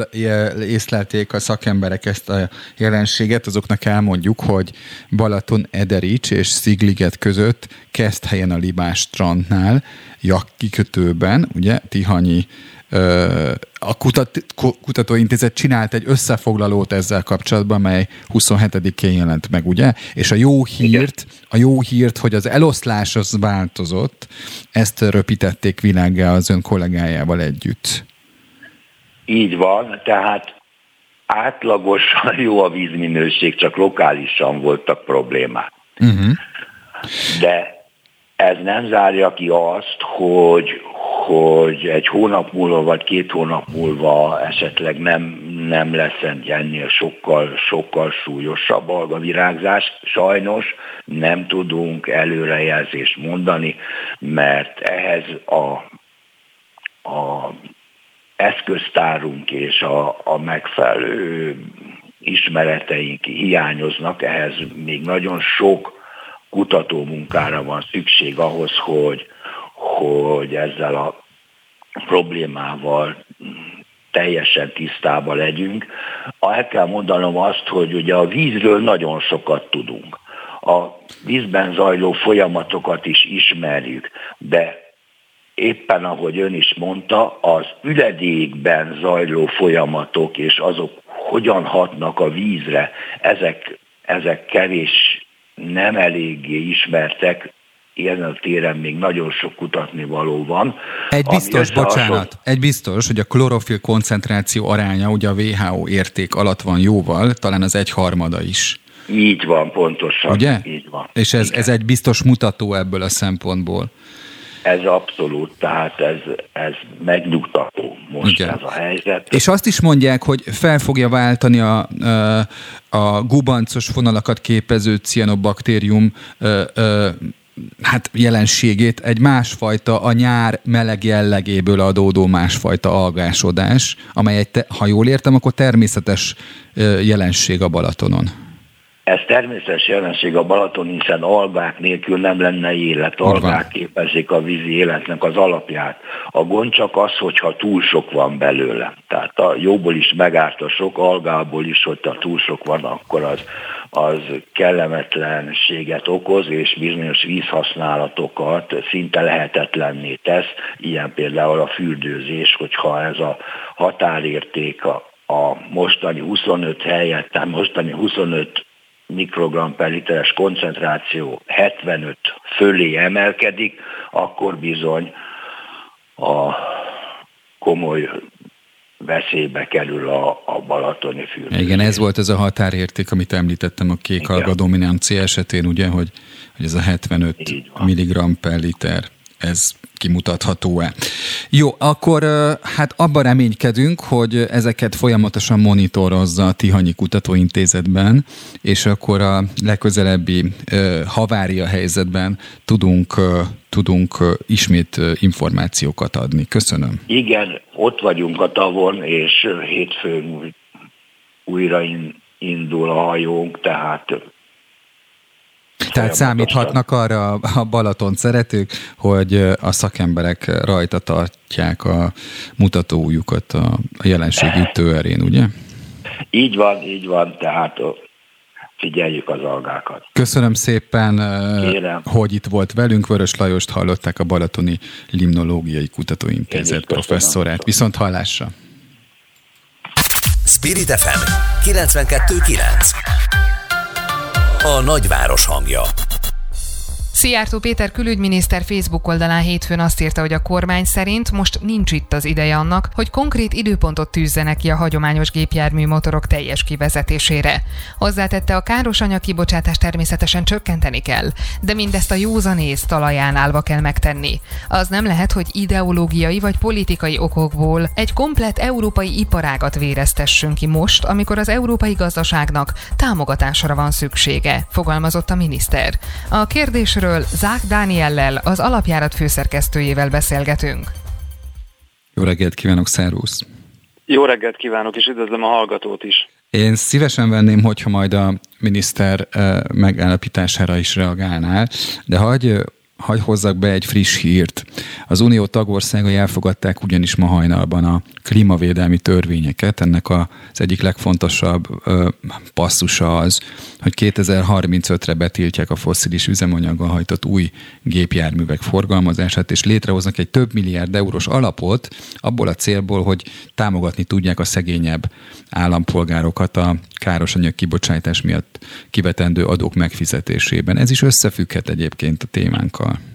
Hát tökéletesen ez lett volna az első. Itt van előttem az Automotive News Europe erről szóló Na. összefoglalója. Ezt hajnali kettőkor kötötték meg ezt a megállapodást. És hát itt van az asztalunkon a probléma ettől még, mert valóban kétsebességes Európa autóközlekedése, vagy autós kultúrája, és, és hát mi a leszakadók közé tartozunk. És nem csak az autóiparunk struktúrája miatt, mert az ugye a nyugati cégek szerkezetváltása miatt maga is igazodni fog ehhez a döntéshez, hanem egyszerűen azért, mert amire váltunk, tehát a tisztán elektromos hajtású autók, azok Magyarországon a teljes állományban az 1%-ot sem érik el jelenleg. Uh-huh. És, és ez még messze is van, ez 1% ráadásul. Tehát, tehát ha több zöld rendszám lenne, akkor azt mondhatnánk, hogy mi előrébb tartunk, ugye? Hát tulajdonképpen igen, bár a zöld rendszámot kapnak a plug-in hibridek is, és szerintem ennek is változnia kell idővel majd. Itt Magyarországon olyan 42 ezer zöld rendszám van egyébként forgalomban. Elnézést a zöld autósoktól, hogyha már 43 ezer, de egyébként 4 millió személyautóból ennyi ez a szám. Tehát Dani, azt elmondott, szín... hogy, hogy a plug-in hibrideknek miért indokolatlan a zöld rendszám? Hát azért, mert a, Több felmérés szerint, és ezzel kapcsolatban várható egy szigorítás, ugyan a gyártók nagyon optimista módon abból indulnak ki, hogy minden 100 kilométert úgy fog megtenni egy-egy ilyen plug-in hibrid autó, hogy előtte feltöltik az akkumulátorát, tehát a 100 kilométernek egy bizonyos hányadát, néhány 10 kilométert, akár 60-70 kilométert tisztán elektromos üzemben tesz meg az autó. A valóság az nem ez.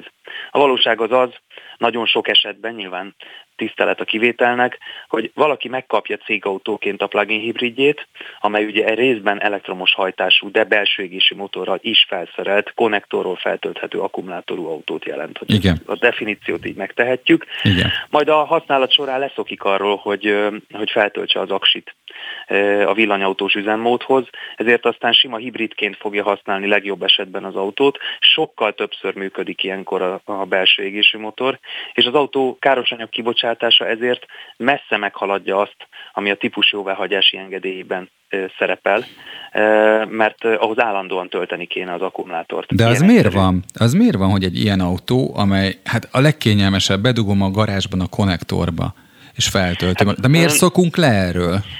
Nem tudom, hogy ha valaki átül egy hagyományos autóból, annak mennyire kényelmes folyamatosan azon gondolkodnia, vagy folyamatosan arra hát treníroznia magát. Mert, mert hogy spórol, hát pénztárca. Igen, de hogyha valaki cégautóként használja, ja. és ezt azért emlegetem, mert Aha.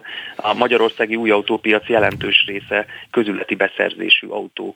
Magyarországon magánautóvásárlóból még mindig baromi kevés van, és a másik paraméter az az, hogy nem csak azoknak van plug-in hibrid autójuk, akiknek van otthon lehetőségük tölteni, vagy a munkahelyükön, hanem azoknak is, akik mondjuk lakótelepen laknak, és sehol a közelben nincsen töltési lehetőség, esetleg a munkahelyükön sem.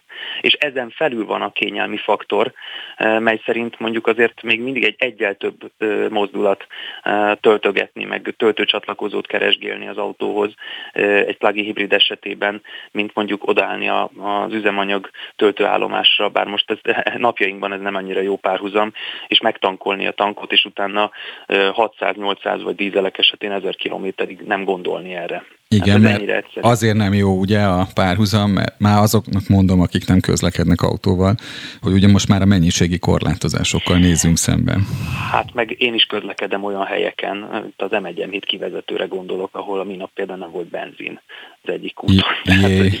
ez egy nagyon fontos, nagyon nagy budapesti út. Na de visszatérve a döntésre, igen, igen. Eh, ha nem haragszol, Há, nekem az a az a ö, meglátásom ezzel kapcsolatban, hogy, hogy nagyon-nagyon két pólusóvá fog válni Európa már tulajdonképpen most is ezt látjuk. Itt Közép- és Kelet-Európában 10-15-16 éves autókkal közlekedik a többség.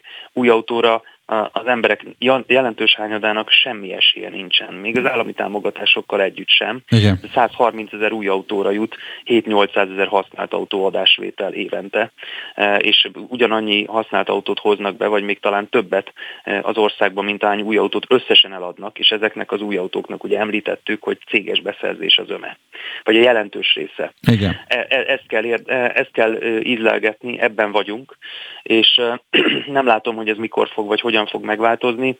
Záró Ugye kérdés. Nemzet... Bocsánat. Igen?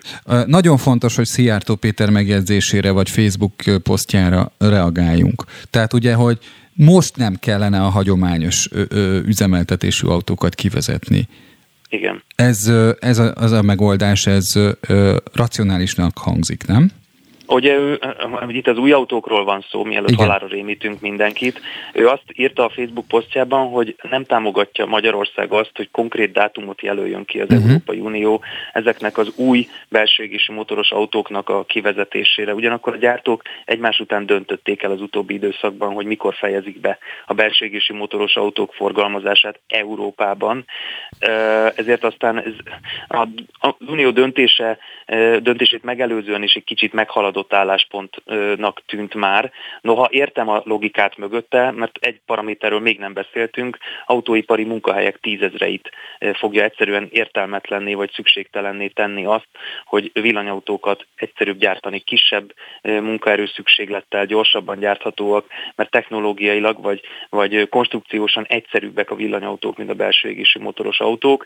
Ez is egy olyan paraméter, amit Szijjártó posztjában is említett, és ebben is igaza van. Az olasz kormány egy tagja is, vagy bocsánat, az olasz szakszervezetek egy képviselője is említette, ott 60 vagy 70 ezer munkahelyet veszélyeztet közvetlenül az elektromobilitási átállás.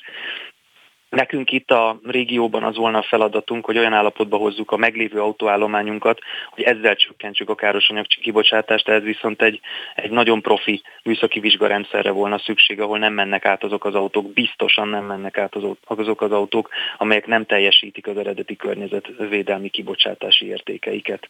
Önök az, el... rossz állapotban vannak. Önök az elmúlt percekben az alapjárat főszerkesztőjét hallották. Köszönöm szépen, Dani, hogy itt voltál. Én is köszönöm a beszélgetést. Viszont hallásra, szia! Szia! Friss hírek, információk, beszélgetések. A Spirit FM reggeli műsora.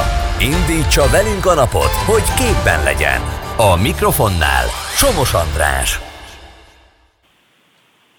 És itt van velünk Fekete Győr András, a Momentum volt elnöke. Jó napot! Jó napot kívánok! Kezdhetem-e azzal, hogy Kósa Lajos mit adott elő az országgyűlésben? Mert hogy? Ő azt mondta, hogy ne ígyunk előre a medve bőrére, de lesz még Fekete Győr András a Momentum frakcióvezetőjeként Fidesz ügynök. Ha pedig a szerepléseit nézzük, akkor lássuk be, hogy néha kifejezetten alánk játszik. Ha nem alánk játszana, nem ismerem feltétlenül, de annyira végtelenül tájékozatlan és világtalan, hogy a számára a legfontosabb politika ügyben olimpia, amiből az egész genézise támad, abban nem tud alapvető tényeket. Ez kizárt, mondja Kosalajos, de ennél jobb véleménnyel vagyok Fekete Győr Andrásról, tehát szerintem inkább arra gyanakodnék, hogy Fekete Győr András mégis a mi ügynökünk, mint Fidesz alelnök, ennek utána fogok nézni. Nem tudom, hogy ott van-e ön mögött Kósa már most, vagy valaki. Egyedül tartózkodom, szerencsére nincs itt Kósa Lajos. Igen. Néha azért egy levegőt kell a, a magyar parlamentben bele. Értem, mit szól hát ehhez? Mit szól ehhez a, ez eszmefuttatáshoz? Értékelem öntől, hogy felolvasta ezt a teljes eszmefuttatást, Kósa Lajosnak pedig irigylem a szerteágazó fantáziáját. Ugye én Magyarország miniszterelnökével Orbán Viktorral két nappal ezelőtt egy, egy szópárba vívtam a parlamentben, ami a 2036-os olimpia megpályázásáról szólt. És azt a kérdést tettem fel, hogy akkor, amikor 2000 milliárd forinttal sújtják a magyar embereket, ahelyett, hogy hazahoznának egyébként 2500 milliárd forintot az EU-tól, akkor hogy jön ahhoz a Magyar Olimpiai Bizottság elnöke, hogy azt mondja, hogy nekünk erkölcsi kötelességünk megpályázni az olimpiát 2036-ban. Hát az ő szempontjából... a miniszterelnök Igen. nem tudott nekem érdemi és épkézlen választani. Ha, ha ő lenne az olimpiai bizottság elnöke, akkor nem törődne a politikai szempontokkal, vagy akár azt mondanám, hogy a társadalom politikai szempontokkal. Neki nem ez a dolga. A politikusoknak viszont ez. Ha én lennék a Magyar Olimpiai Bizottság elnöke egy európai polgári demokráciában, ahol nem a miniszterelnöktől kapom a utasítást arra, hogy mit mondjak, akkor ebben önnek teljesen igaza van. De Magyarországon a különböző sportszervezetek, civil, több civil szervezet, ami az államtól függ, az valójában Orbán Viktornak a, a szólamait mondja fel, és utasításai szerint mozog. Ez Megjegyzendő, hogy... Kedves rádióhallgatók Igen. is tudják, meg, meg mindannyian tudjuk. Megjegyzendő, hogy Kulcsák Krisztiánnal ez volt a probléma, hogy egy kicsit autonóm volt, tehát gyorsan le kellett váltani, ugye? Én ő személyesen is ismerem Kulcsák Krisztiánt egyébként, nagyon jóra való tisztességes embernek tartom. Ezért mondom. És leváltották pont ezért, amit ön is, ön is most mond. Ezért mondom, hogy, hogy ugye ez értelmezhetetlen ma már. Emlékszünk arra, hogy ön nem biztos, de én igen, hogy az mindig is politikai konfliktus volt már az első Orbán kormány idején, hogy sportági szakszövetségek élén lévő embereket politikailag tudunk-e instruálni, ugye? Végül is akkor még a sportminiszter verességével végződött ez a, ez a harc, mert bíróság mondta ki, hogy nem lehet egész egyszerűen politikai, szaksz, politikai alapon sportági szakszövetség, mint a labdarúgó szövetség elnökét utasítgatni. Tehát ez nem fér bele. Egy van jogállami működésbe, de ma már nincs így, tehát ma már ezek a határok felbomlottak. Térjünk vissza a olimpia kampányra, ugye azt mondta az országgyűlésben Orbán Viktor, hogy hogy 2030-ban nem lesz olimpia, az a vált, hogy 30-ban olimpiára pályáznánk, az nem. Ön nem mondta egyébként, hogy 30-ban pályázunk, de vagy kiigazította, hogy 36-ba, de ez most egy vita kérdés, ami nem lényeges. A lényeges az, hogy ha pályázunk is, akkor a nép ebben mennyire tud beleszólni egy népszavazás esetében.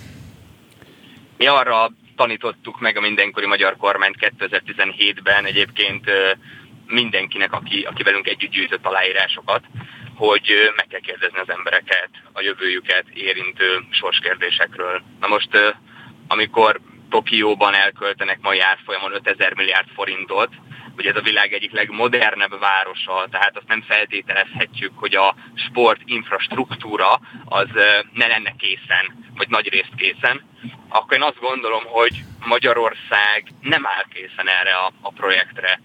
Ha egyébként megnézzük a jövő évi sport költségvetését a központi költségvetésnek, ott 137 milliárd forintot fogunk találni. Ez egyébként 64 milliárd forint idén. Tehát ezt több mint megduplázták. Mi kiszámoltuk azt, hogyha az egészségügyi szakdolgozóknál, tehát az ápolóknál például egy 30%-os béremelést szeretnénk, a 120 milliárd forintba kerül. Tehát beleférne például ebbe a csomagba. És én egy sportszerető ember vagyok, tehát szerintem fontos, hogy mi támogassuk a sportot.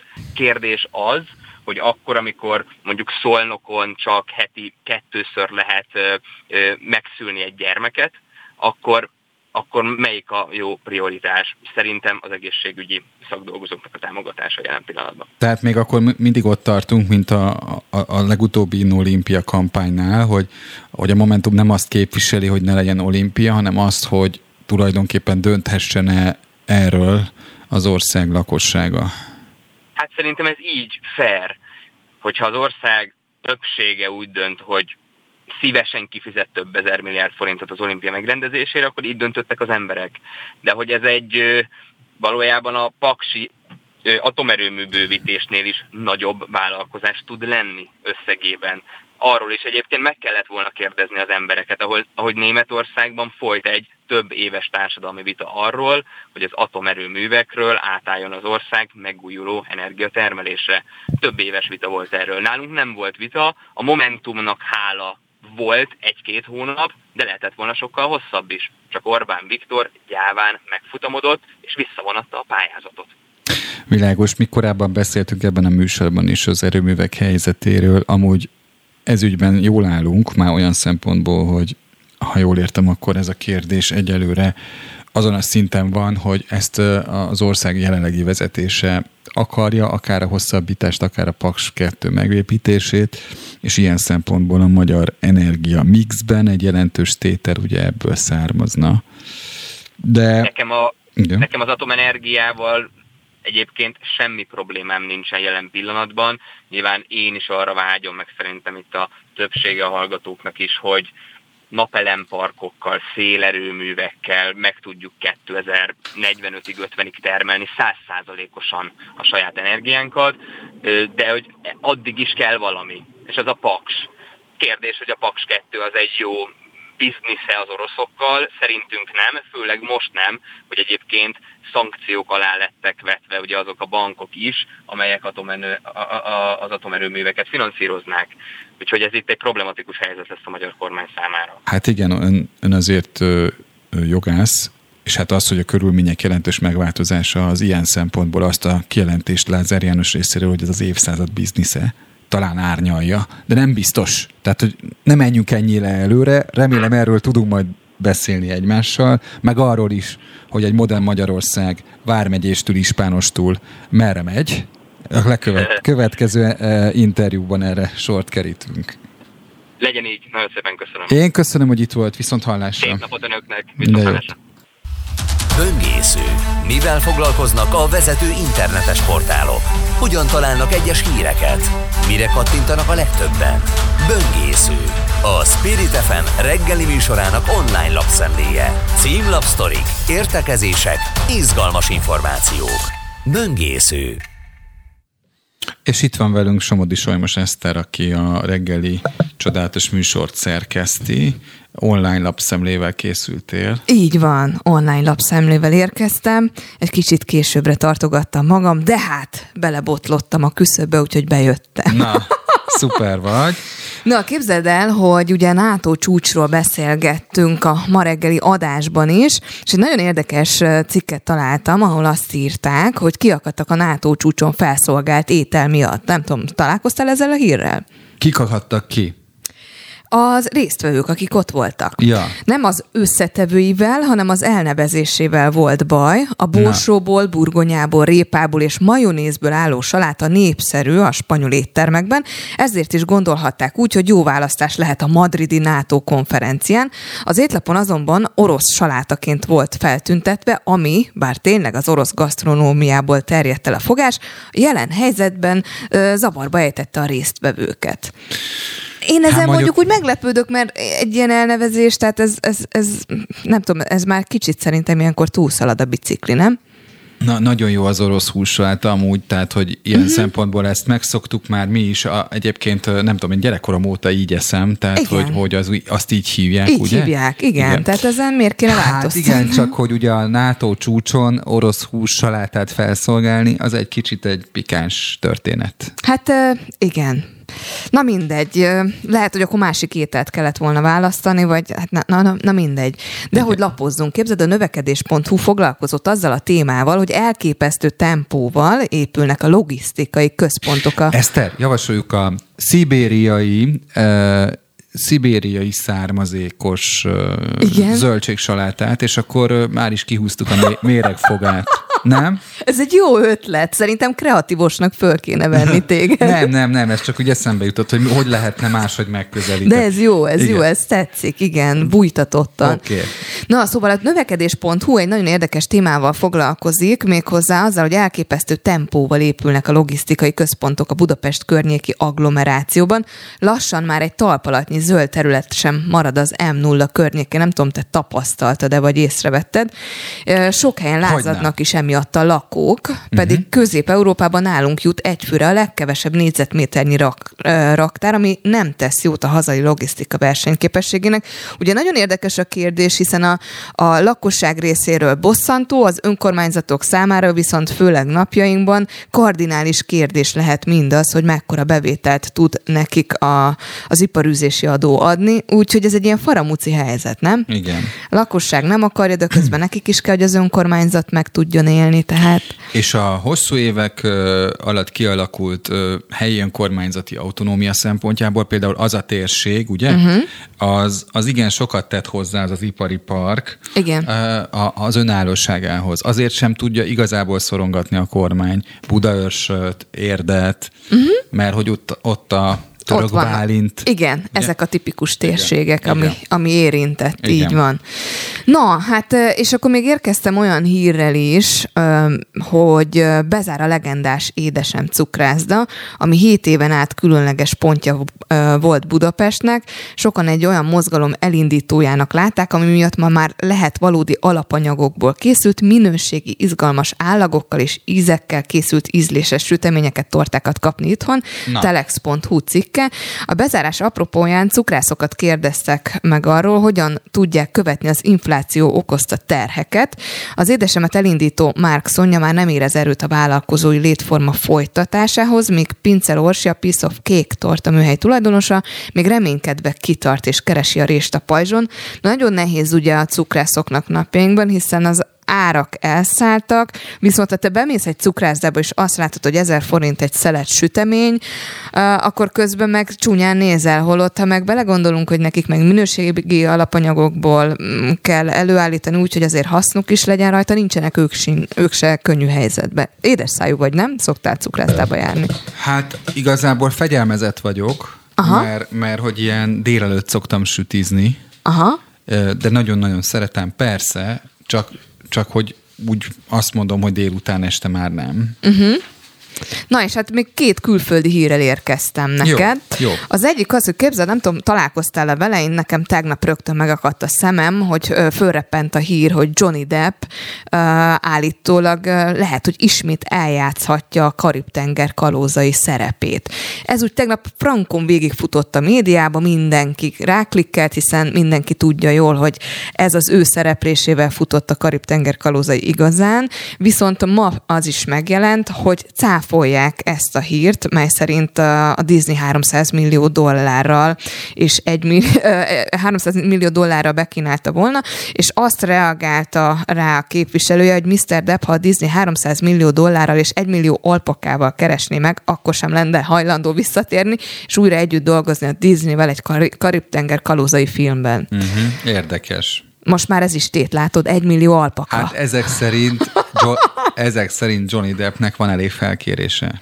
Hát, vagy úgy van vele, hogy aki egyszer annak idején egy vád miatt eltessékelte, oda nem szívesen megy vissza, és akkor egy ilyen kis tammese a családoknak, hogy mire figyeljünk, Ben Affleck, tíz éves fia beletolatott egy Lamborghini-vel egy BMW-ben, Tíz, tíz. tíz éves, tíz éves kicsi fia, így van.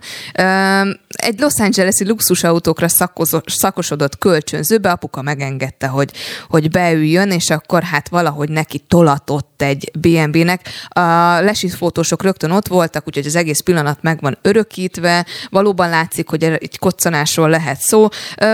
Nem tudhatjuk, hogy tudta az apuka, hogy el is indul-e az autóval a gyerek, vagy mi történt, de minden esetre érdemes odafigyelni, hogy ne engedjük a gyermekeinket a sofőrülésbe. A beneflekek vagyunk. Vagy ha nem, akkor sem. Tehát itt nem is a személy a lényeges, de nyilván ez egy jó reklám arra, hogy fölkapjuk a fejünket, hogy oda kell figyelni az óvatlan nem pillanatokra. lehet az, hogy a közlekedési biztonsági szervezet felkérte benefleket, hogy produkáljon egy ilyen kis videót, és mint egy jó szolgálat. Jó, igen, én ebben bízok, mert ha nem, igen. akkor csalódnom kell. Ki fog derülni. Eszter, örülök, hogy itt voltál, köszönöm szépen. Itt van velünk. Dézsi Zoli is. Mindjárt be is adjuk az adásba most. Sziasztok, most. jó reggelt! Zoli, képzeld el, hogy azt terveztük, hogy megbeszéljük a tegnapi uh, női válogatott meccsnek a részleteit, de a vendégünk uh, nem elérhető. Nem elérhető, úgyhogy nem tudom, láttad a meccset?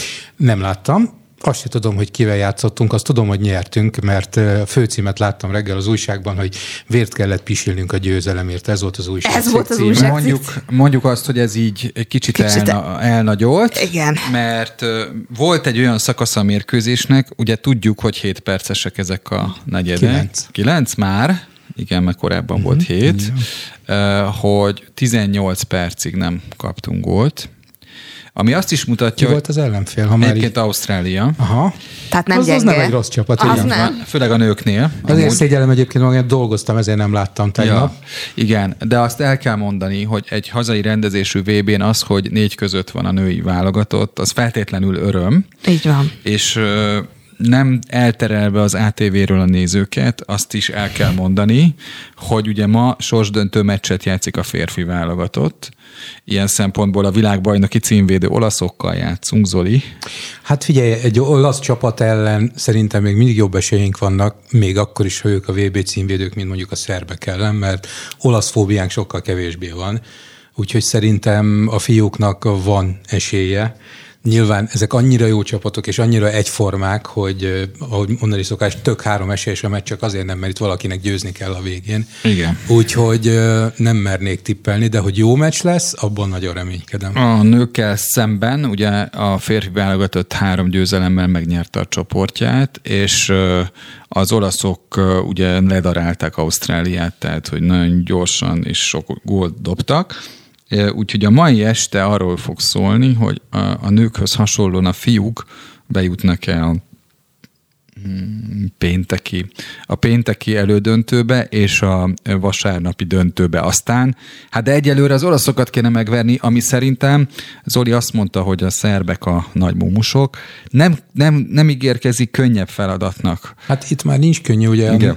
a négy-öt nagy csapat azért az tökéletesen egyenlő tudású. Tehát ugye annak idején még az én gyerekkoromban négy csapat volt a világon. A szovjet, a magyar, a jugoszláv és a... Melyik volt a negyedik? Horvát. Olasz. olasz. Az ugye a jugoszlávban volt akkor igen, még, tehát akkor igen. még nem volt. És ez a négy csapat határozott meg mindent. Aztán jöttek STRT-vel a spanyolok, az lett az ötödik csapat, utána jöttek a görögök, és most már van még néhány, meg ugye szovjet utódállamok, jugoszláv utódállamok, de a legnagyobbak azok továbbra is partiba vannak szerintem általában. És volt egy időszak, amikor még a német vízilabda se volt rossz amúgy. Hát amikor a Spandaunak ment a, a, Úgy van. a, a klub szinten, uh-huh. akkor a válogatottjuk is jó volt, de egyébként tök furcsa, hogy sokáig az NDK-nak jobb csapata volt, mint az NSK-nak, uh-huh. pedig az NDK-sok nem is akartak vízilabdázni, tehát azt mondták, hogy gondolkodtak a dopinggyárban annak idején az NDK-ban, hogy egy vízilabda csapat, ha jól felkészítjük, tud 12 ember egy olimpiai, bajnokot, olimpiai bajnoki címet szerezni. Egy úszót, ha jól felkészítünk, egyedül szerez hármat, akkor melyiket készítsük föl? Az úszót. Úgyhogy igazából nem is volt vízilabda csapatok hivatalosan, és mégsem voltak rosszak egy időben. Úgyhogy, hát akkor most egy kicsit ennek is adóztunk, és hogyha már Zoli beszél, ugye, akkor ne feledkezzünk meg a bistróról, ugye? Mindjárt kezdünk, igen. Van egy találós kérdésem igen, hozzátok. figyelek. Tudjátok-e, hogy hogyan lehet egy borász milliómos a borászkodásból? Az kevés, hogy jó bort állít elő, ezt már hallottam több interjú során. Nagyon fontos az értékesítés is. Hát igen, a marketing. A tömeges értékesítés. Hát akkor segítek. Úgy lehet milliómos a borászkodásból, hogyha korábban milliárdos volt, és akkor lemegy milliómossá.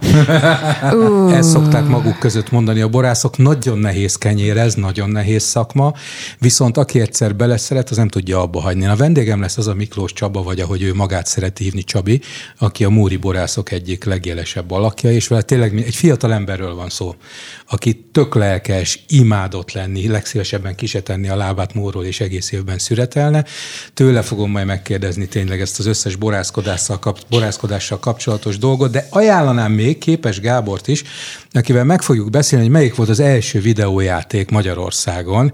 Ez is érdekes, egy pap találta föl annak idején, nem gondolnátok, nagyon izgalmas. Mikromat volt a neve, ha jól emlékszem annak a játéknak. Mi már nem játszottunk vele, mert mi időnkben ez már nem létezett. Aztán lesz egy örömhírünk is, még pedig az, hogy jön Matt Bianco Magyarországra, és I itt fog fellépni.